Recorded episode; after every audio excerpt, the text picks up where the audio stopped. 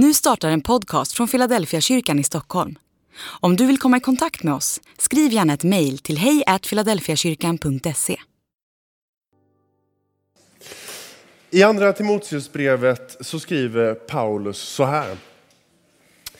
Han har räddat oss och kallat oss med en helig kallelse.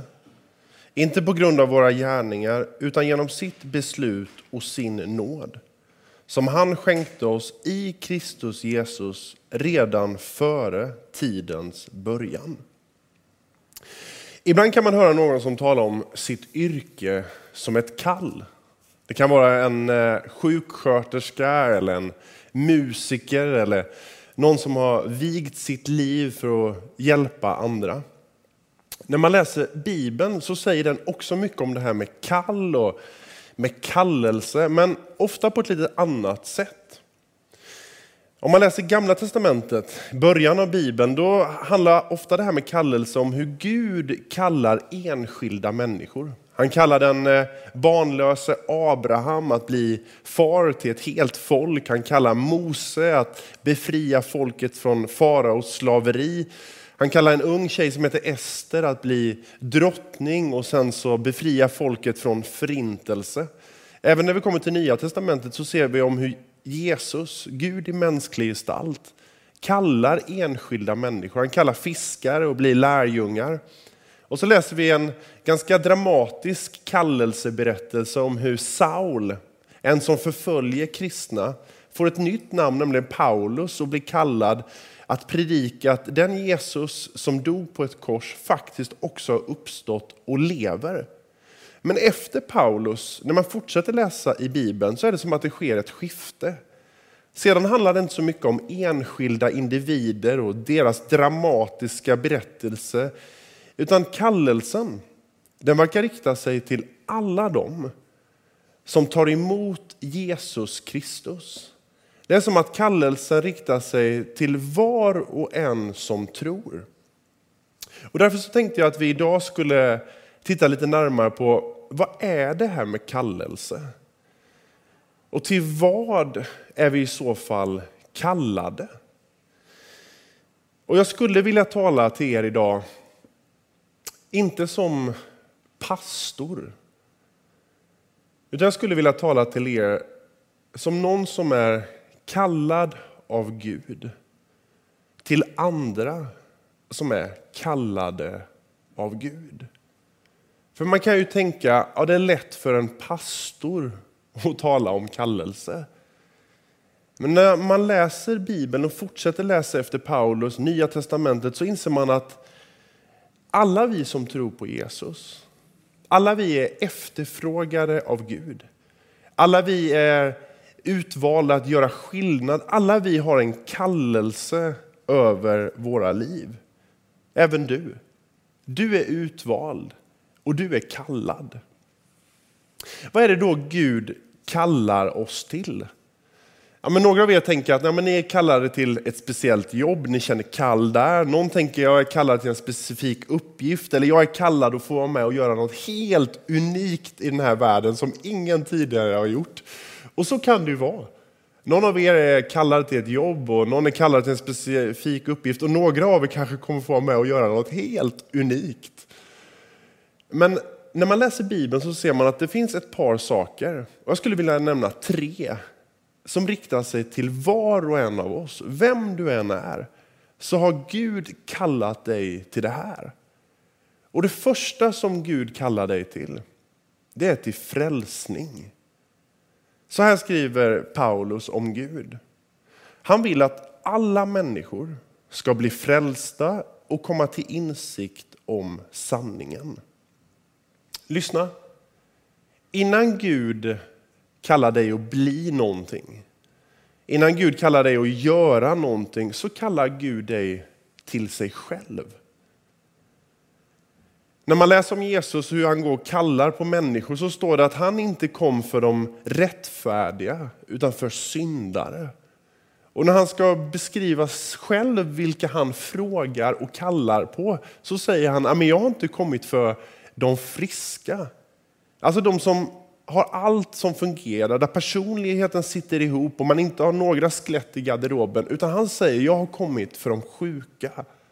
De som inser att det finns saker i mitt liv som inte stämmer. Så vem kallar Gud på? Vem kan ta en del av den här frälsningen? Ja, men just du som tänker, mitt liv skaver.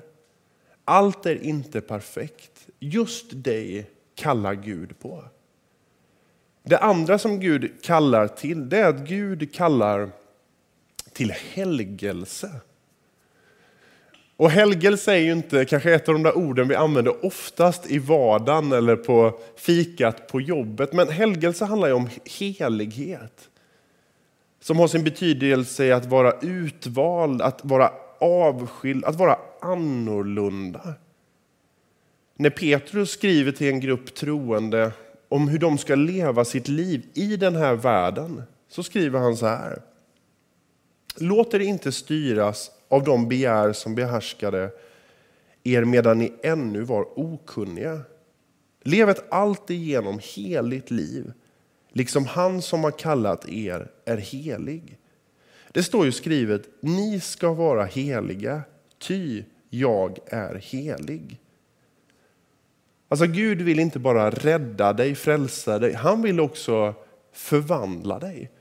Han vill att du ska leva ett liv som är annorlunda, kanske annorlunda än din omgivning. På vilket sätt då?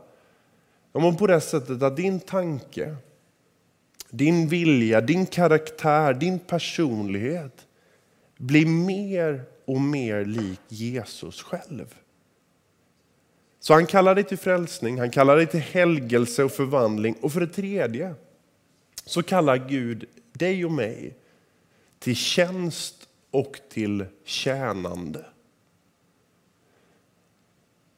Alltså allt det som Gud har lagt ner i dig, allt det som helgelsen tar fram av det goda som Gud har gett dig, det vill Gud använda för den här världens bästa. För några av er tänker, ja, men jag vet exakt hur jag ska använda det. Därför för de flesta av oss kanske det är lite mer bredare. När Paulus ska skriva till en grupp kristna i Efesos så skriver han ganska brett om den här kallelsen. Han skriver att låt allt vad ni gör, i ord eller handling, ske Herren Jesus namn och tacka Gud Fadern genom honom.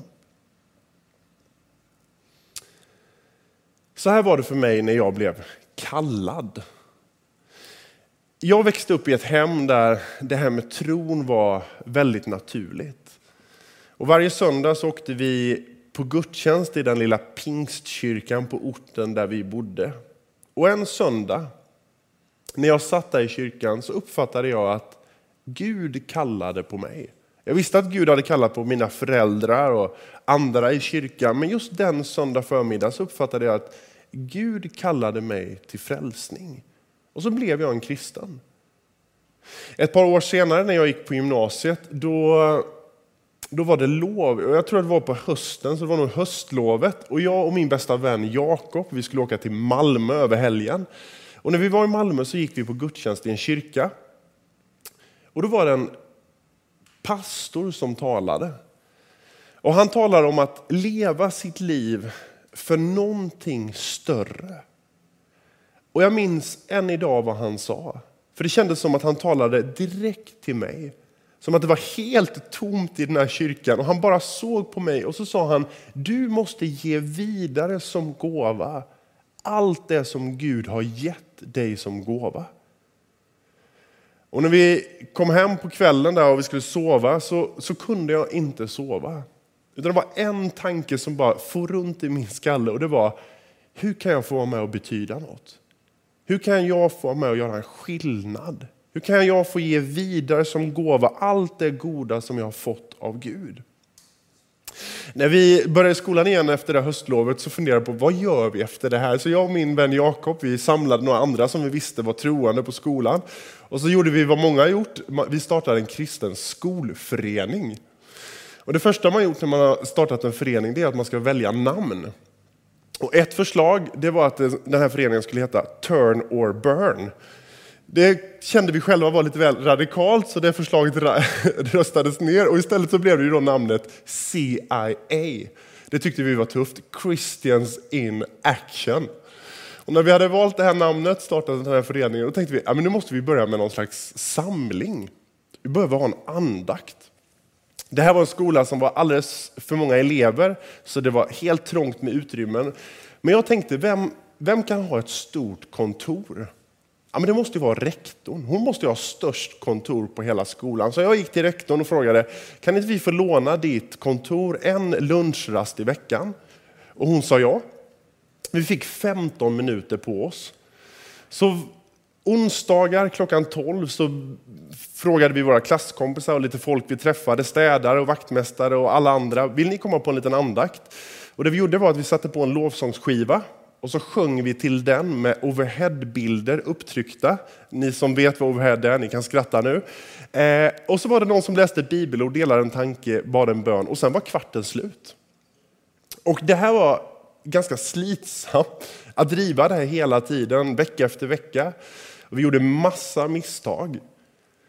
Men ett av mina absolut starkaste minnen från min tid på gymnasiet, det var när en tjej som inte hade någon bakgrund i kyrkan kom med på en av de där andakterna. Och så gav hon sitt liv till Jesus. Efter gymnasiet, så, ett tag senare, så började jag läsa teologi. Jag insåg att den här boken är ju otroligt fascinerande, men den är också ganska svår. Jag förstod att den här kan liksom skapa liv i mig, men hur hittar man in? Så jag bestämde mig för att jag måste läsa mer om kulturen som ligger bakom. Jag ville läsa bibliska språk, jag ville få liksom rätt glasögon och hitta det som betyder någonting i den här boken. Och jag gjorde ett utbyte när jag läste teologi och så pluggade jag i Chicago i USA. Och när jag var där så passade jag på att besöka massor olika kyrkor. Det var stora megakyrkor i förorterna. Och det var små kyrkor i minoritetsområden inne i stan. Men det som var gemensamt för alla de här olika kyrkorna, det var att de, de gjorde verklig skillnad. För enskilda människor och för samhället där de verkade. Och när jag var där i Chicago så uppfattade jag att Gud talade till mig. Inte med ord, men det som hände var att det föddes en sån stark längtan i mig. Att få vara med och, och bygga kyrka, precis som det jag hade sett i USA, som gjorde skillnad för enskilda människor, men också för hela samhällen. Det skapades en enorm längtan att få ta allt det där jag hade läst om den här boken och göra det möjligt att förmedla det så en helt vanlig människa utan kyrklig bakgrund faktiskt förstår vad Gud vill säga. Ibland får jag frågan, vad, vad var det som gjorde att du valde att bli pastor? Och det mest ärliga svaret är nog att jag, jag valde aldrig. Jag kände mig dragen till det. Och jag tror att det här med kallelse behöver inte vara så dramatiskt. Jag tänker att du som tittar på det här, tänk att precis där du befinner dig just nu, där är du kallad. Du är kallad att vara Guds ambassadör på, på din arbetsplats. Du är kallad att vara ett instrument för Guds kärlek, kanske på gymmet där du hänger. Eller att kanske är det just du som ska få berätta för en av dina grannar om att det här med Jesus, det är faktiskt på riktigt. Han är en verklighet. Varför då? Ja, men för du är kallad till frälsning till helgelse och till tjänst och tjänande. Sen är det så att när det gäller kallelse så finns det också en, en kostnad i kallelsen. Jag skulle säga att det största hotet mot din och mot min egen kallelse det är vår egen bekvämlighet. När man läser den här dramatiska berättelsen om Paulus som blir kallad så skickar Gud en, en budbärare till Paulus som heter Ananias som ska berätta vad Gud vill med hans liv nu när han har blivit troende och vilken uppgift han ska utföra. Och Det som är tydligt är att Gud inte säger till Paulus att du vet Paulus, nu kommer du få predika att jag lever och då kommer folk applådera. De kommer ge dig stående ovationer. Du kommer bli antikens influencer som lever ett liv på röda mattan. När, när man läser vad Gud säger till Paulus så står det följande. Vi läser från Apostlagärningarna. Men Herren sa till honom, till Ananias, gå till Paulus, som jag har utvalt till mitt redskap. Han ska föra ut mitt namn bland hedningar och kungar och Israels folk. Och jag ska låta honom veta hur mycket han måste lida för mitt namns skull. Alltså det första som Paulus får höra det är Paulus, jag har utvalt dig. Du ska få berätta om mig för massa människor. Men det finns ett pris som du måste betala. Och Jag har hört någon som sagt att Gud använder oftast våra djupaste sår för att förbereda oss för vår största kallelse.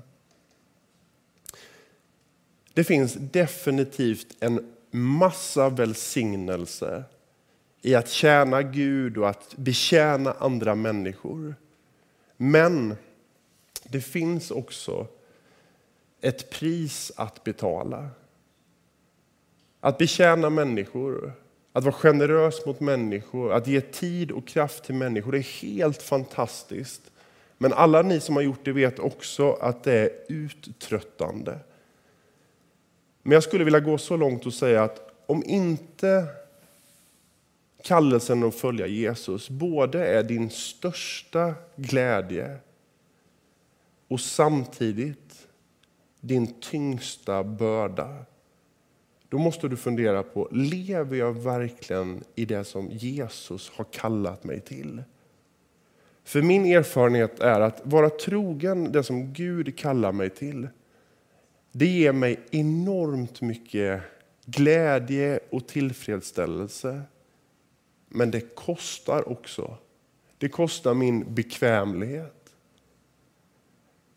Det kostar så ofta min tanke på att jag ska leva ett eget gött liv där jag har det bra. Och samtidigt vet jag att om jag betalar det priset, offrar min bekvämlighet, mina drömmar om det sköna livet, så finns det en tillfredsställelse att leva i sin kallelse som bara Gud kan ge. Och jag tänker ibland på det när jag möter några av er äldre här i kyrkan. Som har levt ett långt liv tillsammans med Gud i uppgång och i nedgång. I livets goda dagar och livets svåra dagar. Och så har ni ofta i det lilla varit trogna Gud. Ni har gett av er tid och era pengar in i Guds rike. Ni, ni ber för församlingen, ni ber för barn och barnbarn. Ni, ni ger vad ni kan. Men det jag märker hos er det är inte att ni gör det av tvång. Jag märker sällan att ni gör det för att ni borde. Utan det finns någonting hos, hos er som tyder på att ni, ni inser jag är kallad av Gud. Vad är det som får dig och mig att tjäna Gud och tjäna andra människor? när man inte alltid känner för det? Vad får dig och mig att hålla fast vid Gud när omständigheterna skiftar? Det är inte lusten, det är inte att någon säger åt dig, utan det är att du vet att jag är kallad. Han har kallat på mig, han har frälst mig, han har förvandlat mitt liv. Och han har bett mig att tjäna honom och andra. Till sist så tror jag faktiskt att en del av oss, man lever i en slags, man skulle nästan kunna säga sovande kallelse. När jag berättar om den här längtan som föddes i mig att få vara med och bidra så känner du igen dig, du vet exakt, exakt vad jag talar om. Men så händer saker i livet, saker kommer emellan, man, man det passar inte just då eller man känner att man inte pallar eller orkar just då att ta det från ord till handling. Men det jag uppfattar att Gud säger till dig den här söndagen det är att hans kallelse över ditt liv finns kvar. Och det han frågar och det han säger det är det är inte för sent för dig. Han har ett fantastiskt erbjudande för dig. Det kommer kosta bekvämlighet. Men han har en uppgift för dig. Det finns ett syfte med ditt liv. Varför då? För att Gud kallar alla människor till frälsning, till helgelse och till tjänst och tjänande.